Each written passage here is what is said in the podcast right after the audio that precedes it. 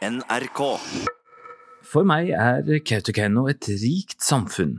Samisk språk og kultur står svært sterkt, og kommunen er full av dyktige folk både innen reindrifta, tradisjonsrike næringer og i mer akademiske funksjoner. Men for noen år siden ropte både Nav og kommunen varsko om at flere barn lever i husstander med sårbar økonomi og lavere inntekter enn resten av landet. Hvert femte barn i kommunen lever i en husstand med det som kalles vedvarende lavinntekt. Hvordan står det til i landets største reindriftskommune? Jeg har med meg Nav-leder i Kautokeino, Maria Elise Hetta Eira, og ordfører i kommunen, Johan Wasara. Hva vet dere om de økonomiske utfordringene til barna i kommunen? Det som vi vet av det som fremkommer i statistikker, det er jo at vi har uh, høy barnefattigdom. Det vil si at uh, vi har 22,2% av barn som lever i vedvarende lav inntektsfamilier. Sånn som i Kautokeino, så er jo den vestlige verden kommet som plutselig på oss. At eh, nå er det ikke slik at vi Vi må ha de samme inntektene for å kunne koste på med utgiftene. Så hvorfor sier man barnefattigdom? Vi har jo det her med, med satsene med, med, som er bestemt fra staten, livsoppholdssatser, de satsene som man bruker. Da har man tatt hva er det man har som utgifter per måned på en familie, sant. Vanlige utgifter som husleie, strøm, mat og klær og ja, det man trenger i det daglige livet. Mm. Og hvis man har under den, så er det sånn at da har man litt mindre å rutte med. Mm. Men det er vel ikke så ille at man sulter, håper jeg kanskje, men er det sånn at man må gi avkall på mye av det som andre nærmest har for gitt? Ja. Det er vel det som er at man, man sulter ikke i Norge, det gjør man ikke. Vi har jo det sikkerhetsnettet som er i Nav. Men det som er litt mangelvare, da, det er at de her eh, støtteordningene er opplyst nok til befolkningen, at folk vet hvor man skal søke, og hva man kan søke på. Så vi jobber jo veldig mye med det her i kommunen, da.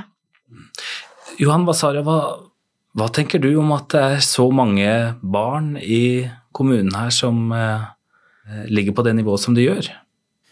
Nei, jeg tenker jo at det overhodet ikke er noe bra, og at det er noe vi politikere med nebb og klør må prøve å gjøre noe med.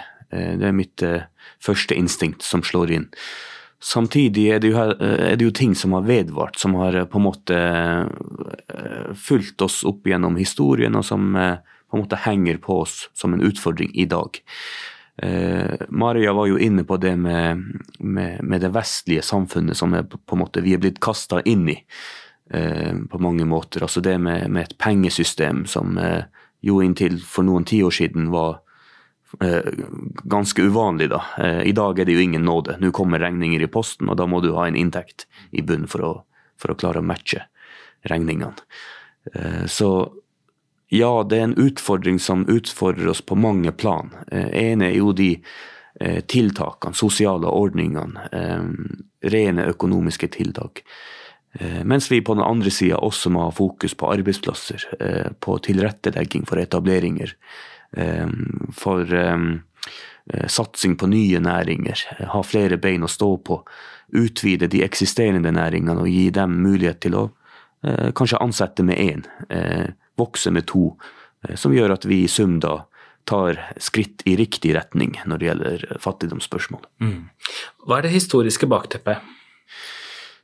Ja, det, det, der har du en doktorgrad man kunne skrevet om. Eh, det handler jo om fornorskning i aller første linja her, da. Eh, der man har vært kasteball mellom danskekongen og svenskekongen og norskekongen opp gjennom de 300 siste årene. Du har, har en rasistisk jordskiftelov fra begynnelsen av 1900-tallet som forbød samer å eie jord, med mindre man skifta navn til noe norskt. Eh, og i Kautokeino gjorde man jo ikke det. Man sto ved sitt og, og var rakrygget i forhold til sin egen identitet, og i dag ser vi jo at 99 av all grunn eies jo, eller har vært eid av eh, Statskog, og i dag eies av Fefo. Så det er veldig lite privat eierskap i kommunen som vi ser i andre kommuner der man gjerne får mye gratis som, som medlem av dessertgenerasjonen, og, og, og, der man får arv, f.eks., og, og mye på den måten gratis, som veldig få i Kautokeino får. Har det noen gang blitt tatt noe oppgjør med det? Det høres jo ut som en historisk urett. Ja, det er bare å spole tilbake eh, til 1960-, 70-, 80-tallet og de foran oss som demonstrerte i Masi, som demonstrerte for samiske rettigheter. Mye av det handla jo om også det her, eh, med at man eh, har vært aktivt motarbeida fra statlig hold til å erverve seg eiendom, og på den andre sida så har man ikke fått anerkjent sedvane som grunnlag for å få seg eiendom.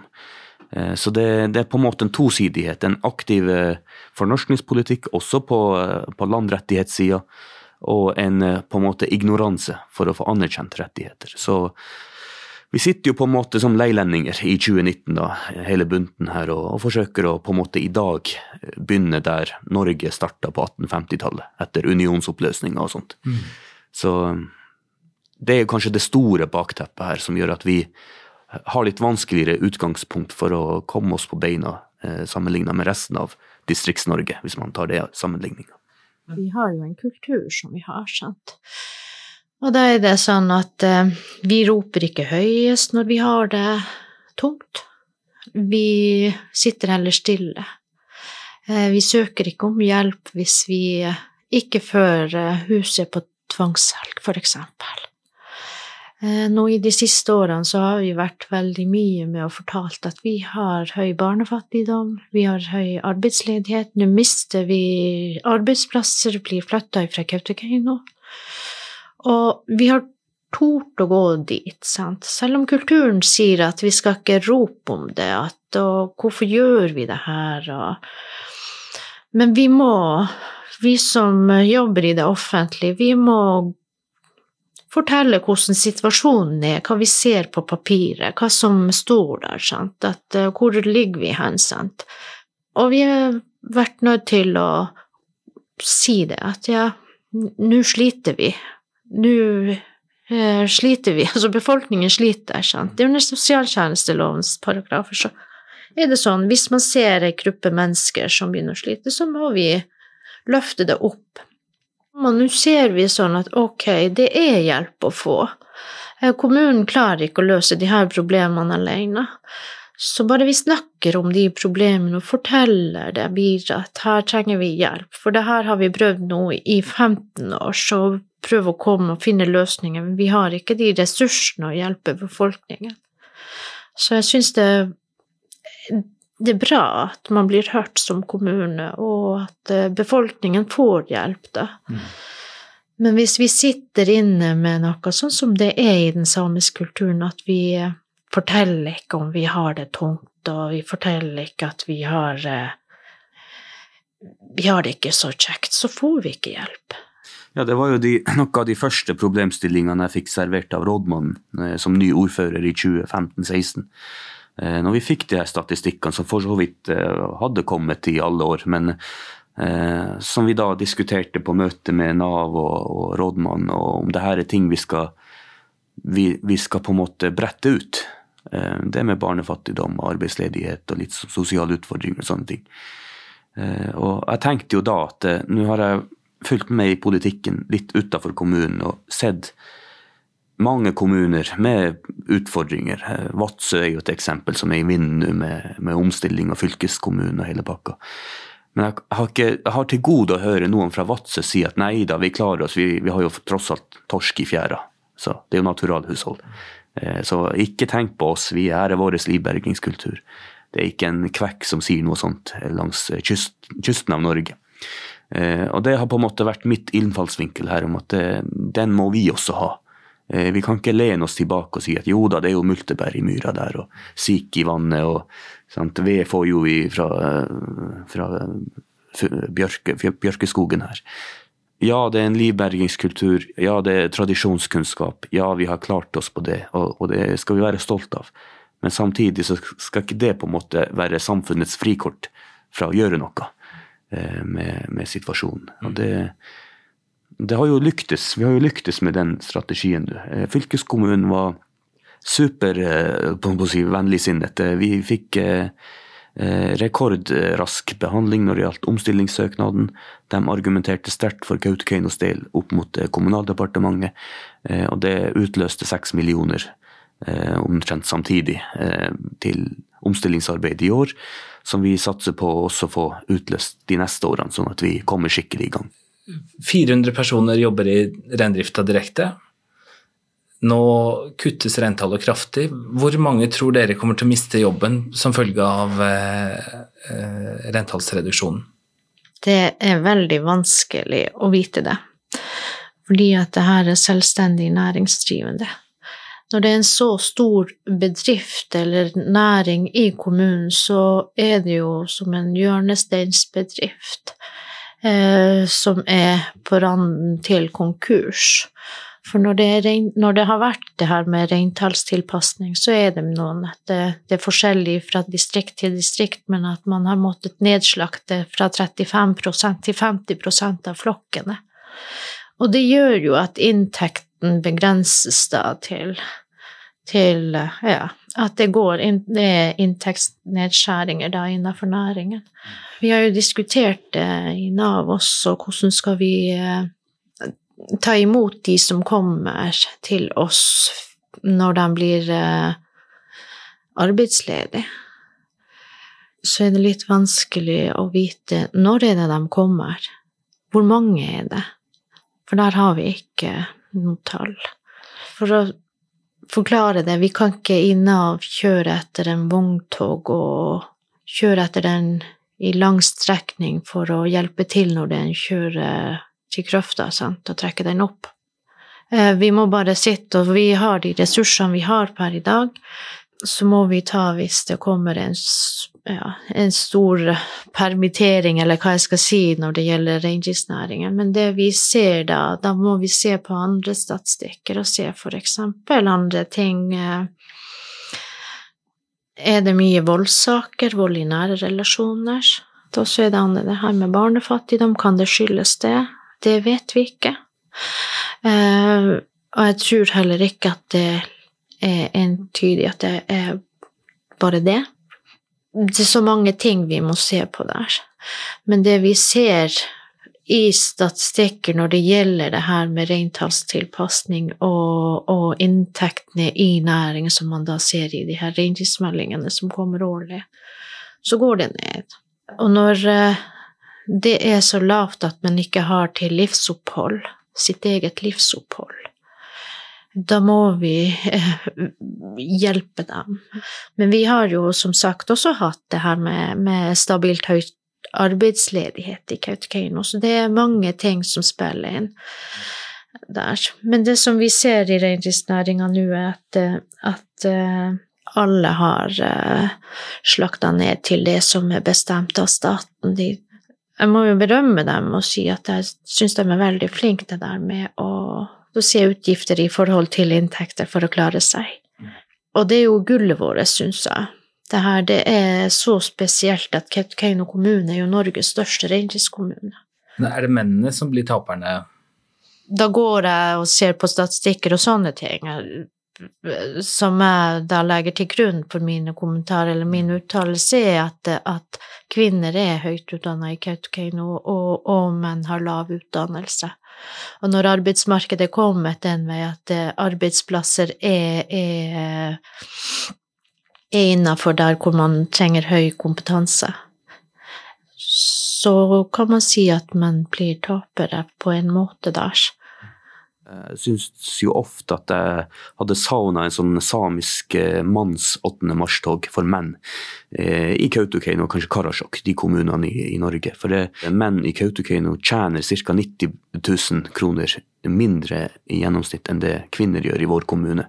I Karasjok så har du eh, tilsvarende statistikk som viser 40 000 kroner mindre enn kvinner. Eh, samtidig eh, viser statistikk at vi menn vi lever eh, betydelig kortere enn kvinner i, vår kommune. Og de generelle statistikkene rundt f.eks. noe så tragisk som selvmord, viser jo at to av tre som begår det, er menn. Så det er, det er, noen sosiale utfordringer rundt menn som i stor grad gjelder kun Kautokeino og Karasjok, kommunen i hele Norge, eh, som tilsier eh, at vi har behov for noen ekstraordinære tiltak retta mot menn. I form av eh, økt inntjening, økt levealder, økt forbedra sosiale forhold og den typen tiltak. Hadde det vært tilsvarende tall mot kvinner, eh, noe vi vet jo at det i landet er. Eh, menn tjener i snitt bedre enn kvinner. Så vet vi jo at det fort gjort utløser fakkeltog i titusentalls utafor Jungstorget i Oslo. Mens her er det stille. Her går vi stille i dørene og unnskylder oss ofte med det at ja, men vi har jo en livbergingskultur, vi klarer oss. Det har også litt med tradisjoner å gjøre, måten man tenker på. Den økonomiske verden vi lever i, virkeligheten, den tillater oss ikke å tenke sånn lenger. Vi må forsøke å oppnå likestilling. Og i Kautokeinos eh, tilfelle da i, i, for menn. Mm. Har, du, har, du, reflektert over årsaken til det? Eh, vi har jo tradisjonelt vært eh, et samfunn der de her tingene har gått naturlig hånd i hånd. Mytologisk sett så har jo kvinner hatt en sterk posisjon opp gjennom historien, med kun samiske gudinner og noen fåtalls samiske guder, altså som er menn som jo forteller litt. Eh, opp igjennom forrige århundre så har jo kvinnen vært den som har hatt koll på papirene og gjerne fikk tok seg førerkort og, og av, av, papirarbeidet. Da. Eh, mens mannen har vært den som har vært avgjørende viktig for, for husholdet ellers, altså naturalinntekter osv. Mens vi i dag da med, med, den vestlige verden da, som kom over natta på mange måter, har en utfordring da, eh, kanskje spesielt med tanke på menn, og, og hvordan de skal tilpasse seg eh, den nye verden vi lever i. Dette er jo ting man også kan utbrodere videre da, i forhold til statistikker som går på psykososiale forhold, altså vold i nære relasjoner. Så som sagt så er det jo mange doktorgradsemner man kunne tatt tak i her, som eh, hadde vært interessant. Og, og, det i forhold til vold i nære relasjoner, så kom det ut en rapport i forfjor som jo var rystende lesning på mange måter, at 50 eh, av samiske kvinner opplever vold, altså har opplevd vold, og at det å være samisk kvinne i seg sjøl er en risikofaktor for å utsettes for det. Ja. Ja, der kan man jo selvfølgelig, og, og, det må man jo først og fremst si, at det handler om, å, om, å, eh, om holdningsskapende arbeid. At, at mannfolkene våre rett og slett må skjerpe seg. Det er nå én ting som må, må, sies. Men samtidig blir det for enkelt å bare si det. Eh, for det handler litt også om de andre forholdene som vi snakker om tidligere her. Vi vet av all forskning fra rundt omkring i verden, og spesielt urfolksområder, så handler eh, de økonomiske forholdene, forholdene, de sosiale forholdene, eh, de har direkte innvirkning på også, de, også, det psykososiale. Og det psykososiale vet vi jo eh, handler om hvordan man har det hjemme, hvordan man behandler sine nærmeste, hvordan man behandler seg sjøl. Og hvilket utslag det har for eventuelle andre dystre statistikker. Så jeg mener at man må se det øvrige i sammenheng med hvordan eh, det slår ut på f.eks. voldsstatistikker og de typen ting.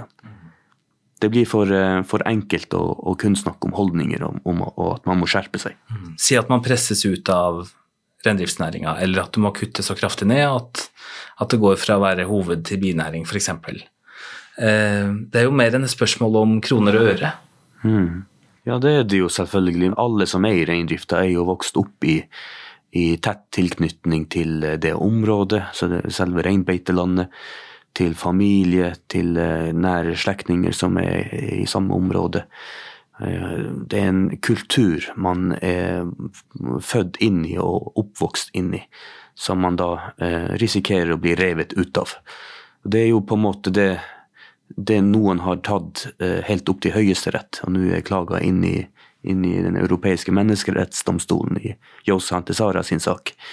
Eh, den handler jo ikke bare om kun det økonomiske, det handler jo vel så mye om det kulturelle og, og det folkerettslige som følger av det.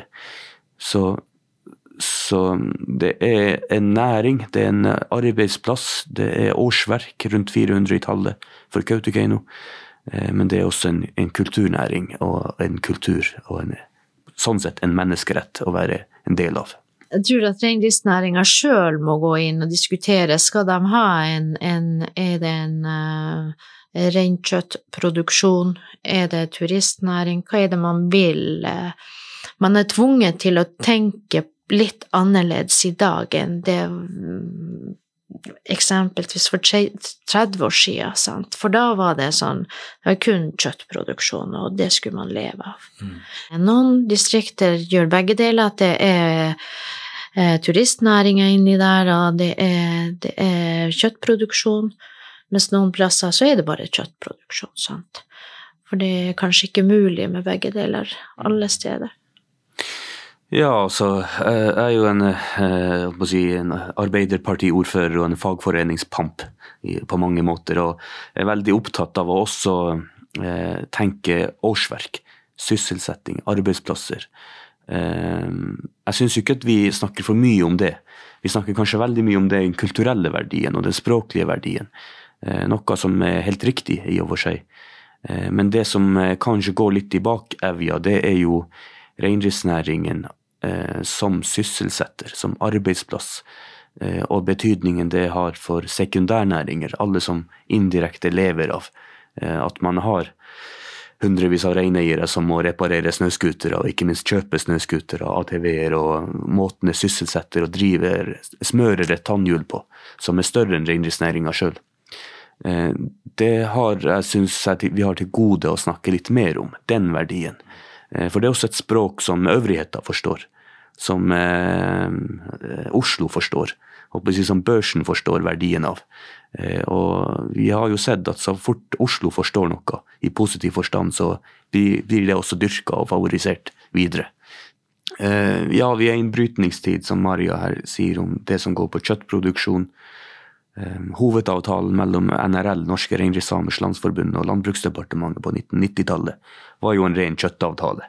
Da skulle man begynne å produsere maks antall tonn, og, og, kun det som var i fokus. Men nå ser vi at eh, ja, den er fortsatt sentral, og det må den kanskje fortsatt være. Men vi er også avhengig, eller nødt til å se på noen eh, flere binæringer ut fra reindriftsnæringa. Og nå ser det ut som at reiseliv virkelig er i vekst. Noen holder jo på å allerede etablere seg som reiselivsaktører, som hovednæring, så har man kjøttproduksjon som binæring. Vi ser jo mulighetene er store, men det er noen ting som må falle på plass før, før man kan utvikle det, og det syns jeg en Vi er på rett vei, men, eh, men det er en lang vei å gå. Det er det. Men det som jeg bruker å tenke i det daglige, at ja, nå har vi vært i bunnen, så nå er det bare én vei, og det er oppover. Og dit skal vi klare å komme sammen.